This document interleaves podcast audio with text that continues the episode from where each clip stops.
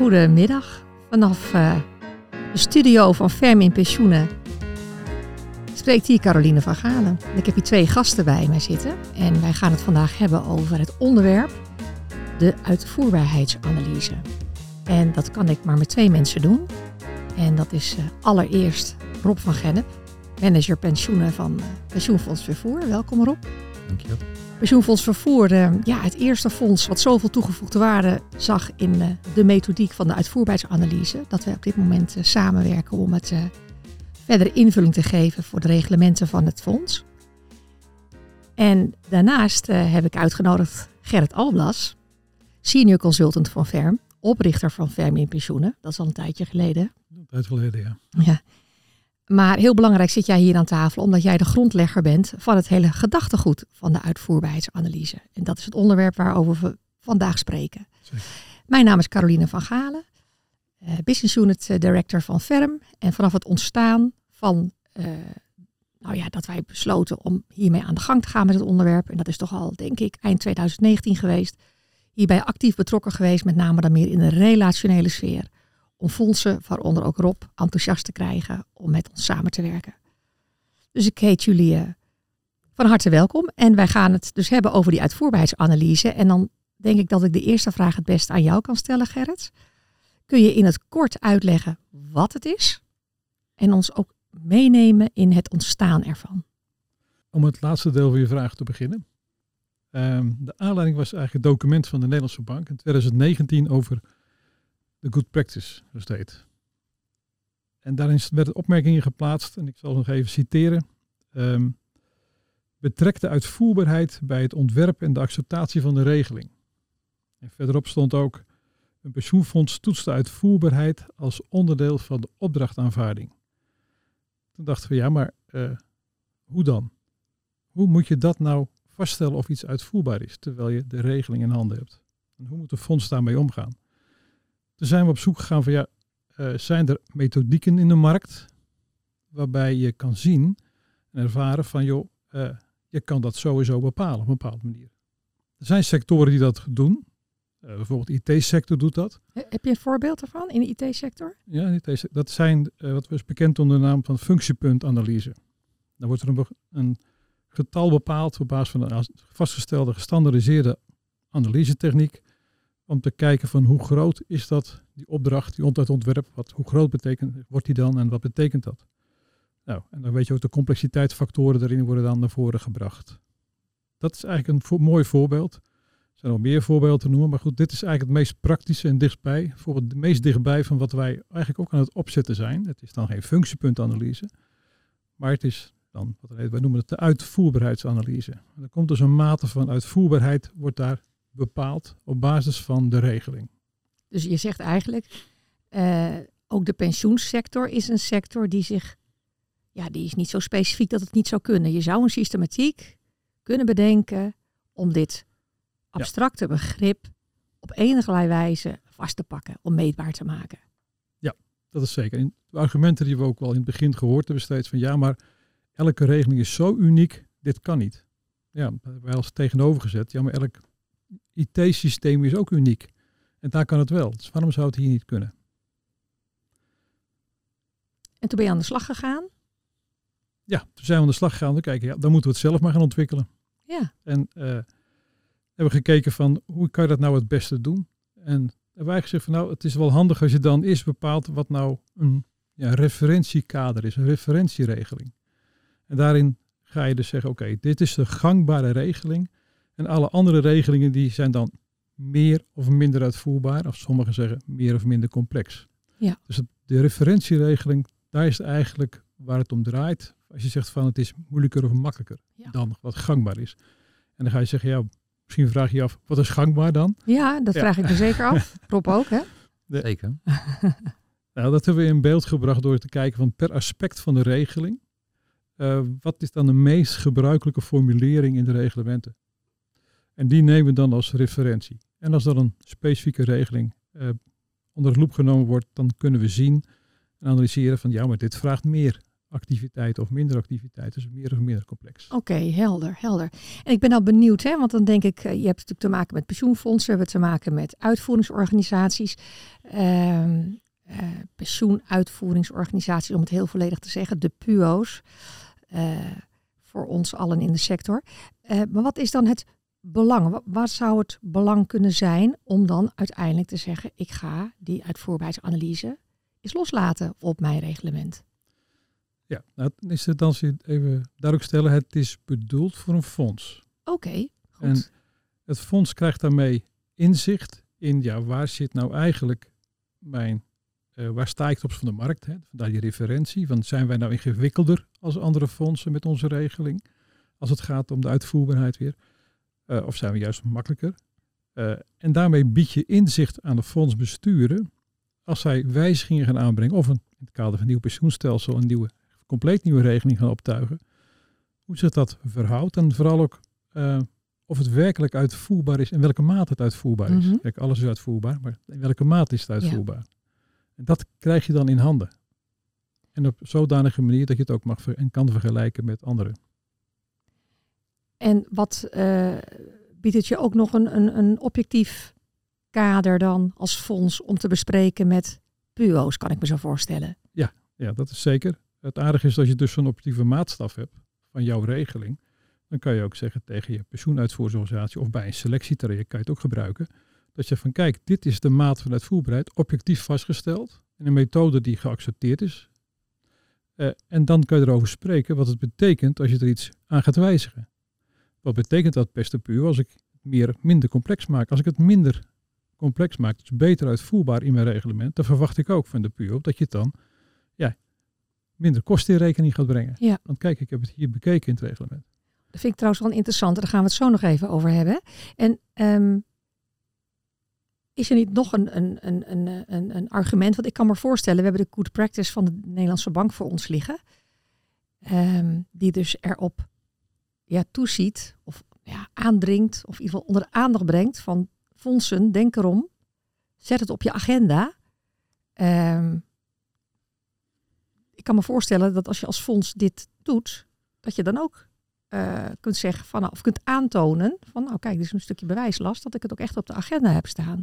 Ja. Inderdaad. Als je het als fonds oppakt, dan uh, kan je ook richting de Nederlandse bank ook zeggen: kijk, jullie advies, jullie tip hebben wij uh, ter hand genomen. Is het, uh, klopt het een beetje wat we allemaal vertellen, Rob? Of zeg je nou, ik zit hier namens het fonds en deze argumenten die gaan voor mij niet op?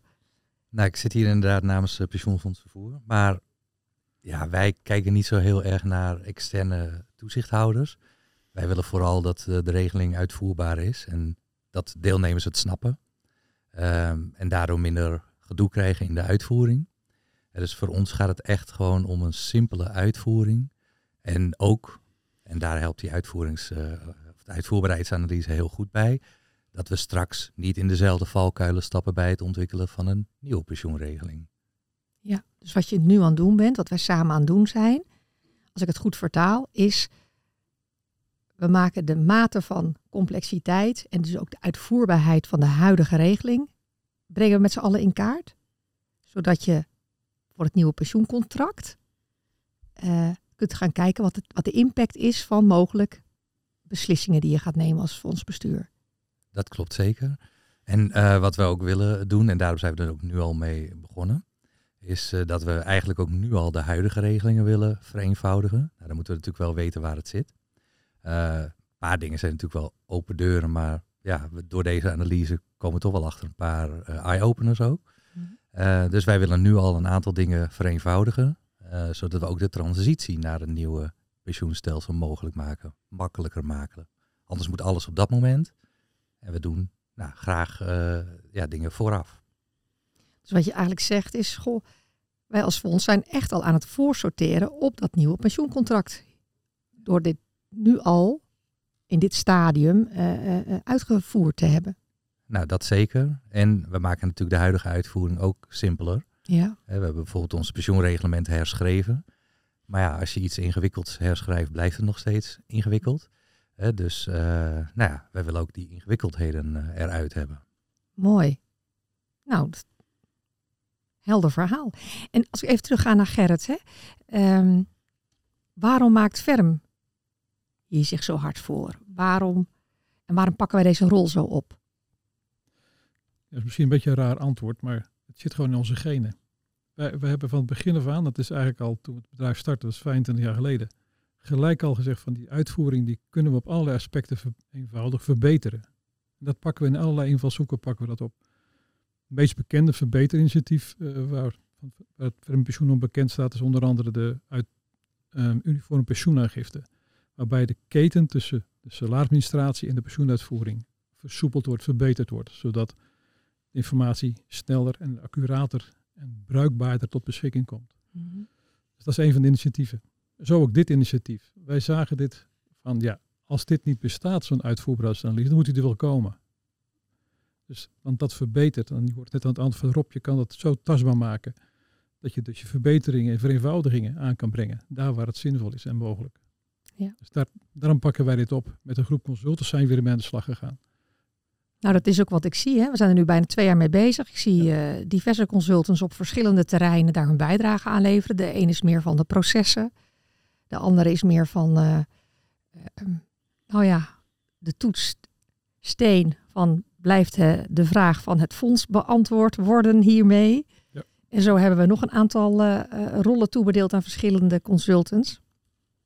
En nou, ik ben op, in die zin ook wel, uh, hè, zou het fantastisch zijn als, als wij voor de zomer, want dat is onze afspraak met elkaar, hè, we zijn nu al vrij ver, dat we kunnen zeggen, nou, het is gereed voor pensioenfonds vervoer. En je hebt net al aangegeven op waarom doe jij hier aan mee en wat is de toegevoegde waarde voor het fonds zelf. Maar zie jij ook nog een mogelijkheid om die ontwikkelde systematiek die we nu hebben, om die kwaliteit voor de hele sector nog te verbeteren? Want ja, we zeggen we doen het niet alleen voor vervoer. Maar jij geeft ook aan van nou ook wij willen onze bijdrage leveren hier aan, omdat we de sector ermee verder willen helpen. Hoe krijgen we die kwaliteit van de systematiek verbeterd? Nou, sowieso zou het mooi zijn als er natuurlijk meer pensioenfondsen uh, meedoen. Ja. Het vertrouwen in de pensioensector, ja, dat is mooi als ze misschien bij pensioenfonds vervoer hun hele leven blijven. Uh, wellicht dat wij wat vertrouwen kunnen wekken, maar nou ja, we weten allemaal dat we met een nieuwe werkelijkheid te maken hebben van uh, de arbeidsmarkt die wat flexibeler is. Komen ergens anders vandaan, gaan we ergens anders naartoe. Het zou sowieso mooi zijn als iedereen een wat vereenvoudigde regeling zou kunnen uitvoeren. Um, maar het kan ook zo zijn dat we elkaar natuurlijk kunnen helpen.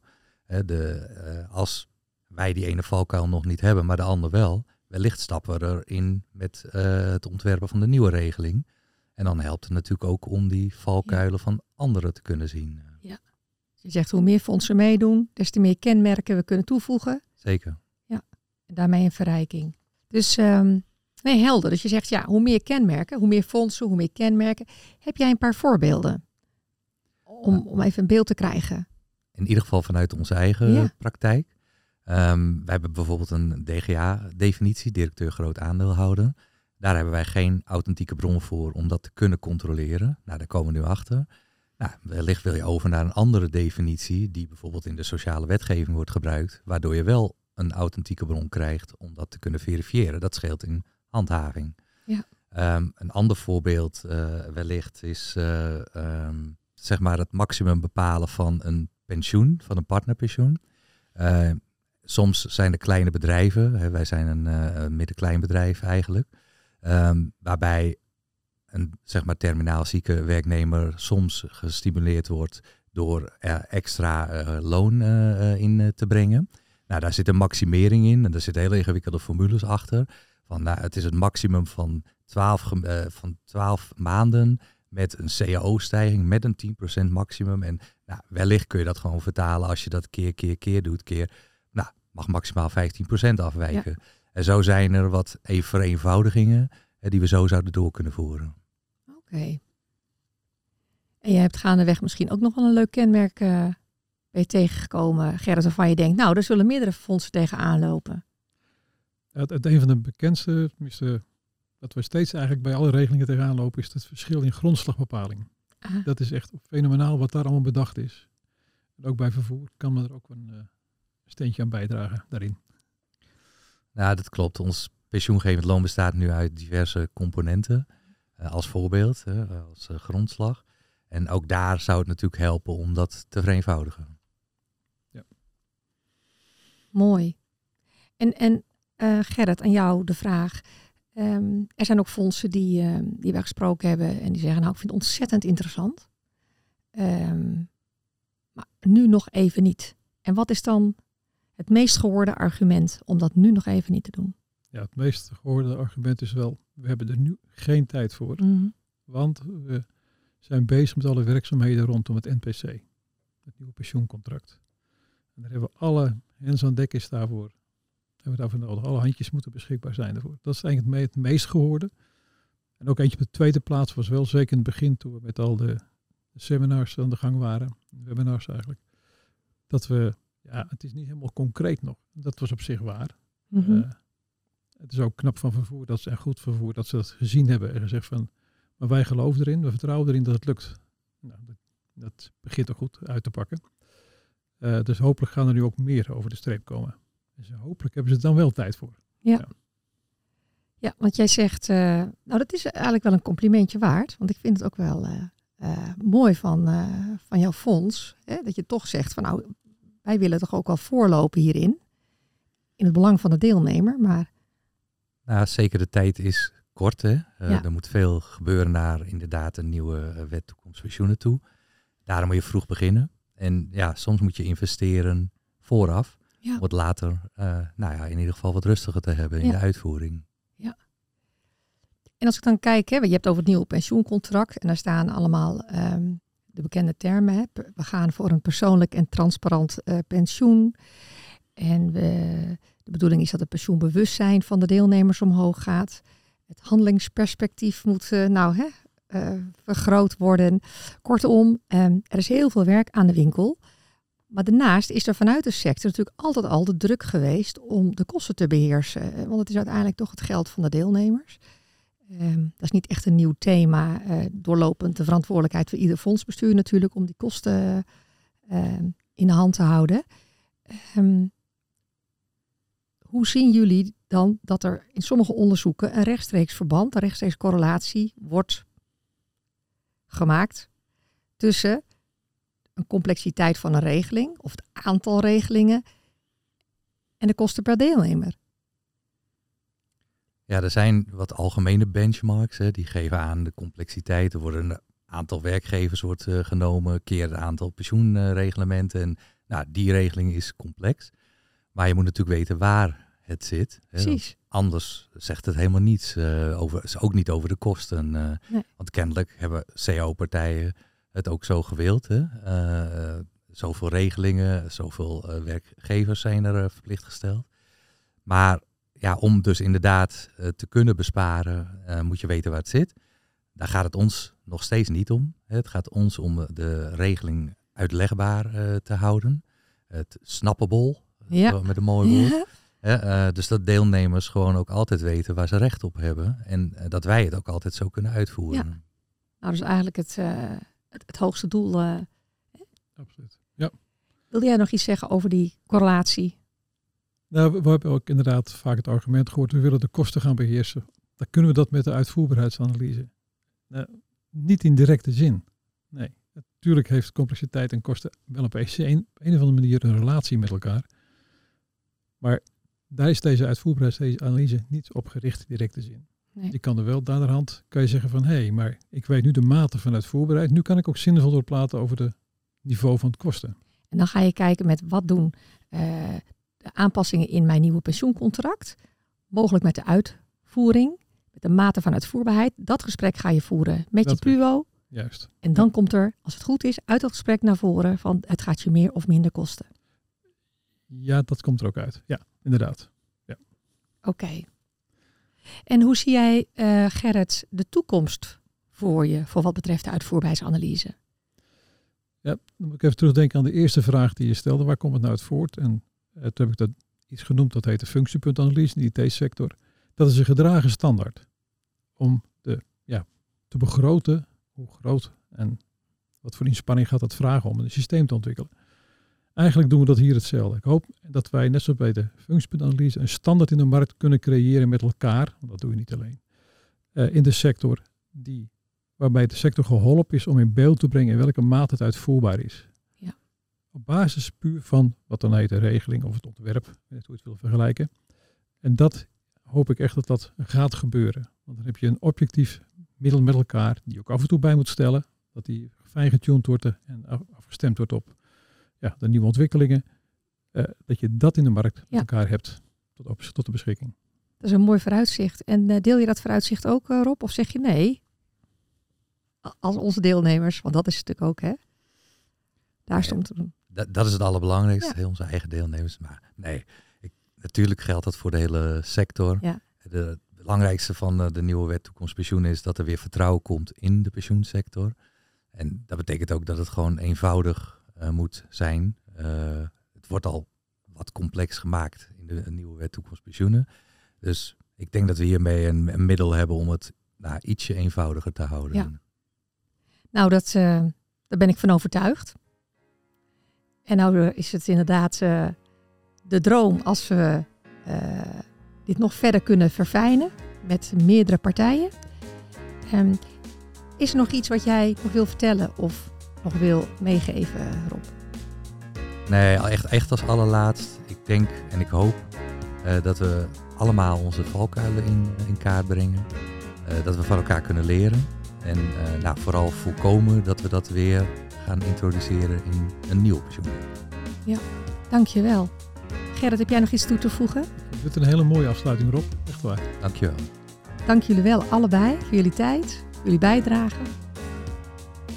En wie weet tot de volgende keer.